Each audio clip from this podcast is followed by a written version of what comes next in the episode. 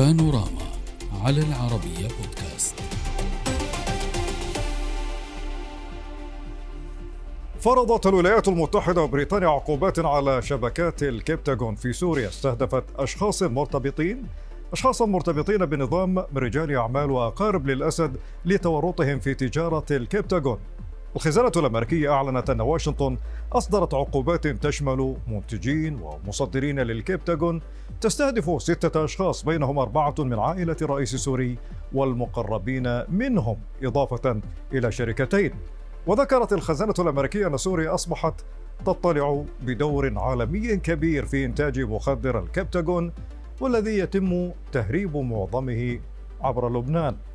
كما أشارت إلى أن بعض مهربي المخدرات اللبنانيين الذين لهم صلات مع ميليشيات حزب الله يطلعون أيضا بدور مهم لتسهيل تصدير هذا المخدر. هذا وشددت الخارجية الأمريكية على أن واشنطن ستواصل مع الحلفاء مواجهة تجارة المخدرات في سوريا والمنطقة تحديدا. معنا من واشنطن عبر سكايب بشار جرار الكاتب والمحلل السياسي ومن دمشق عبر سكايب عمر رحمون المتحدث باسم المصالحة السورية. أهلا بكما إلى بانوراما. فلابدأ مع سيد بشار جرار.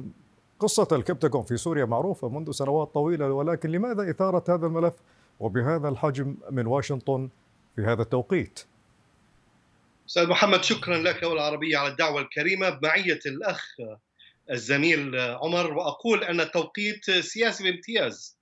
لا شك أن ما جرى من جهود عربية لتطبيع عربي سوري في الآونة الأخيرة وفوق ذاك الاتفاق الذي ضمنته وتوسطت فيه الصين بين السعودية وإيران يعتقد أن هذا الأمر كان له ردات فعل يبدو أن هذه أولها من جانب إدارة الرئيس بايدن. فهناك رسالة ينبغي توجيهها وقد اختار الموضوع الأكثر اجماعا. وهو الحرب على السموم المسماة المخدرات. المخدرات وتحديدا الكبتاغون اصبحت قضيه تعني البنتاغون لأن هذه حرب آه، اخترقت الحدود لعدد من الدول الحلفاء لواشنطن وارتبطت بملف الإرهاب وهي حرب لا تقل ضراوة عنها وبالتالي التوقيت اختير بعناية وأعتقد أنه فيه رسالة وقد تلتقط من الأطراف المعنية على الأقل هكذا يتأمل كثيرون. طيب سيد عمر رحمون هل آه، واشنطن بالفعل جادة في محاربة الكبتاغون وهل يتخلى نظام الأسد عن هذه المخدرات أو على الأقل حلفاء نظام من أجل استيعابهم في المنطقة بشكل أكبر خاصة بأن دول رئيسيه في المنطقة متضررة من تجارة الكبتاغون في سوريا. يعني في الحقيقة الرواية الأمريكية التي طرحت بأن عائدات وأرباح المخدرات تعود لسوريا ب 57 مليار دولار، يعني الغريب الذي لا يصدق بأن ميزانية الدولة ميزانية سوريا بجيشها وتربيتها وزراعتها وكل وزاراتها هي 5 مليار دولار فقط. ميزانية سوريا بالعام كله 5 مليار فهل يعقل أن أمريكا التي حاصرت سوريا حاصرت الهواء وحاصرت الماء ومنعت النفط ومنعت الوقود الوصول للشعب السوري للتدفئة أن أن أن تعجز عن منع المخدرات ثم يعني هذا الرقم مبالغ به. هذا شيء. الشيء الثاني هي في الحقيقة استمرار أمريكا في حرب ومحاصرة الشعب السوري. ال يعني ال هي بموازاة قيصر. عندما فشل قيصر بعد الزلزال بعد التطبيع العربي بعد هرولة المجتمع الدولي ودول كثيرة إلى سوريا لتقديم الدعم والمساعدات للشعب السوري ونهاية قانون قيصر كان من المناسب لأمريكا أن توجد شيئا غير قيصر لكي يدعم حصار الشعب السوري ويقتل الشعب السوري بشكل أكثر. في الحقيقة هذه رواية يعني أنا أعيش في سوريا. وجهاز مكافحة المخدرات في سوريا لا يتوقف لأن سوريا هي دولة ممر وليست وليست مصنعا.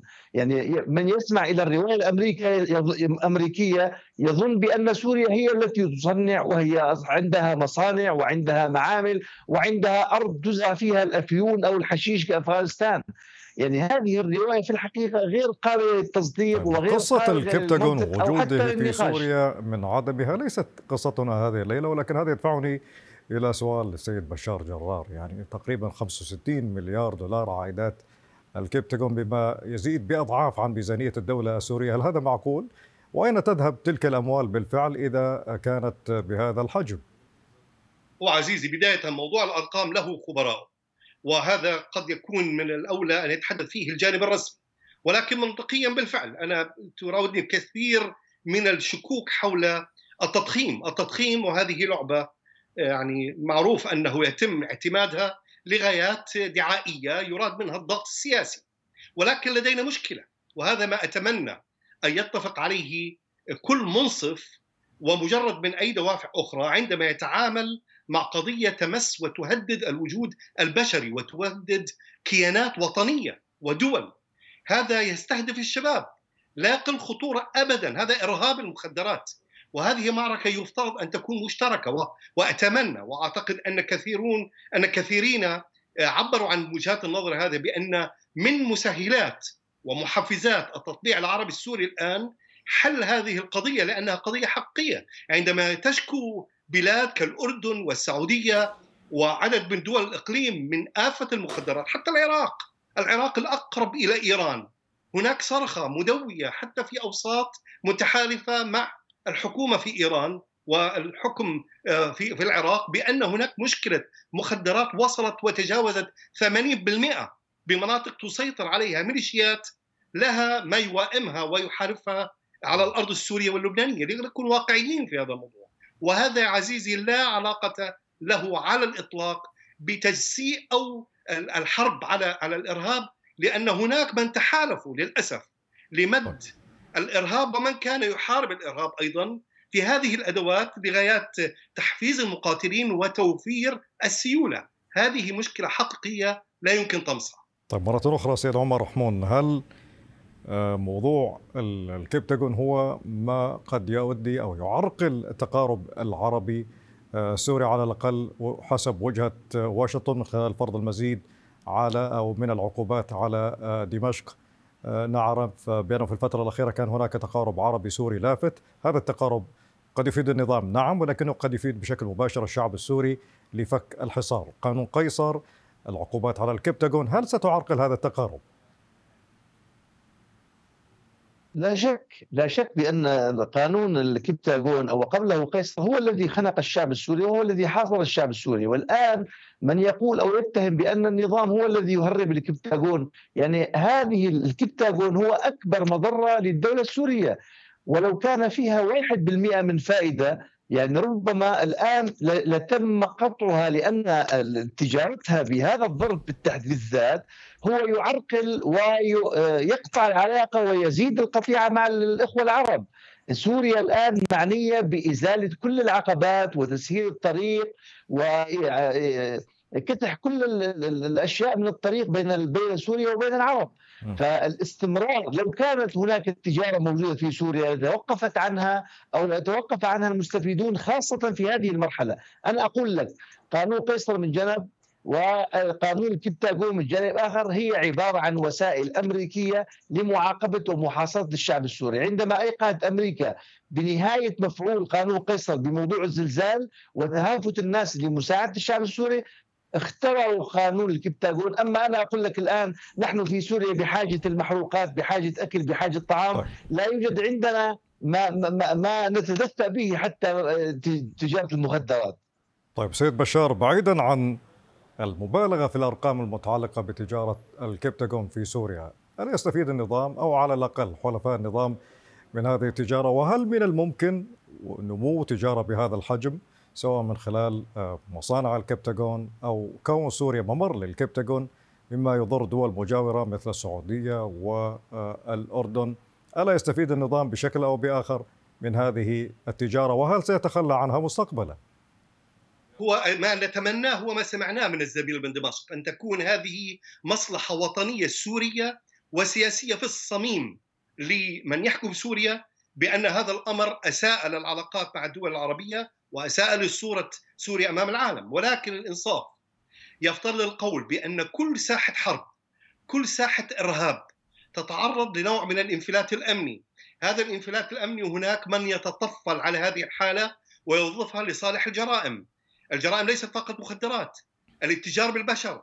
هذه قضايا عزيزي لا يعيب أي نظام في الدنيا أن يقر أنها مشكلة موجودة. مشكلة المخدرات مرتبطة في أفغانستان مرتبطة بإيران مرتبطة بتركيا. هذه ساحات منتجة وتبحث عن أماكن تصدير. المشكلة في في الكابتاغون هذه اللعنة بأنها ارتبطت ولا أحد يستطيع منصف أن ينكر بأنها ارتبطت للأسف في أشخاص تنظيمات سميهم ما شئت في سوريا ولبنان. وانتهزوا فرصة الحرب والحصار واستغلوا ذلك لتوفير أموال لم تعد متوفرة. بعد تجديد العقوبات على إيران من مصلحة سوريا خاصة في في مرحلة التقارب العربي التوجه ونعلم هذا ليس سرا أن هناك طيب. اجتماعات تمت من وزراء متخصصين في الأمن والمخابرات وكان في صدارة ما تم طرحه هي قضية المخدرات لأنها أصبحت قضية أمن قومي لعدد من الدول العربية وهي تصب في مصلحة سوريا ولكل من يريد الخير لسوريا والانتهاء هذه الحالة الغير طبيعية التي استمرت أكثر من عقد سيد عمر رحمون أخيرا هل ستتخلى سوريا أو حلفاء النظام عن هذه التجارة في مقابل تقارب عربي أكبر مستقبلا؟ يا سيدي الكريم وأنا داخل سوريا صدقني أكثر جهاز في الدولة يعمل هو جهاز مكافحة المخدرات وأكثر جهاز يعاني من التعب والعناء ليل نهار طيب ولكن يبدو سيد رحمون بأن هذه الجهود غير مثمرة حتى الآن. المخدرات تسرح وتمرح في محاولة للوصول إلى حدود أقوى مثل حدود الأردنية والسورية.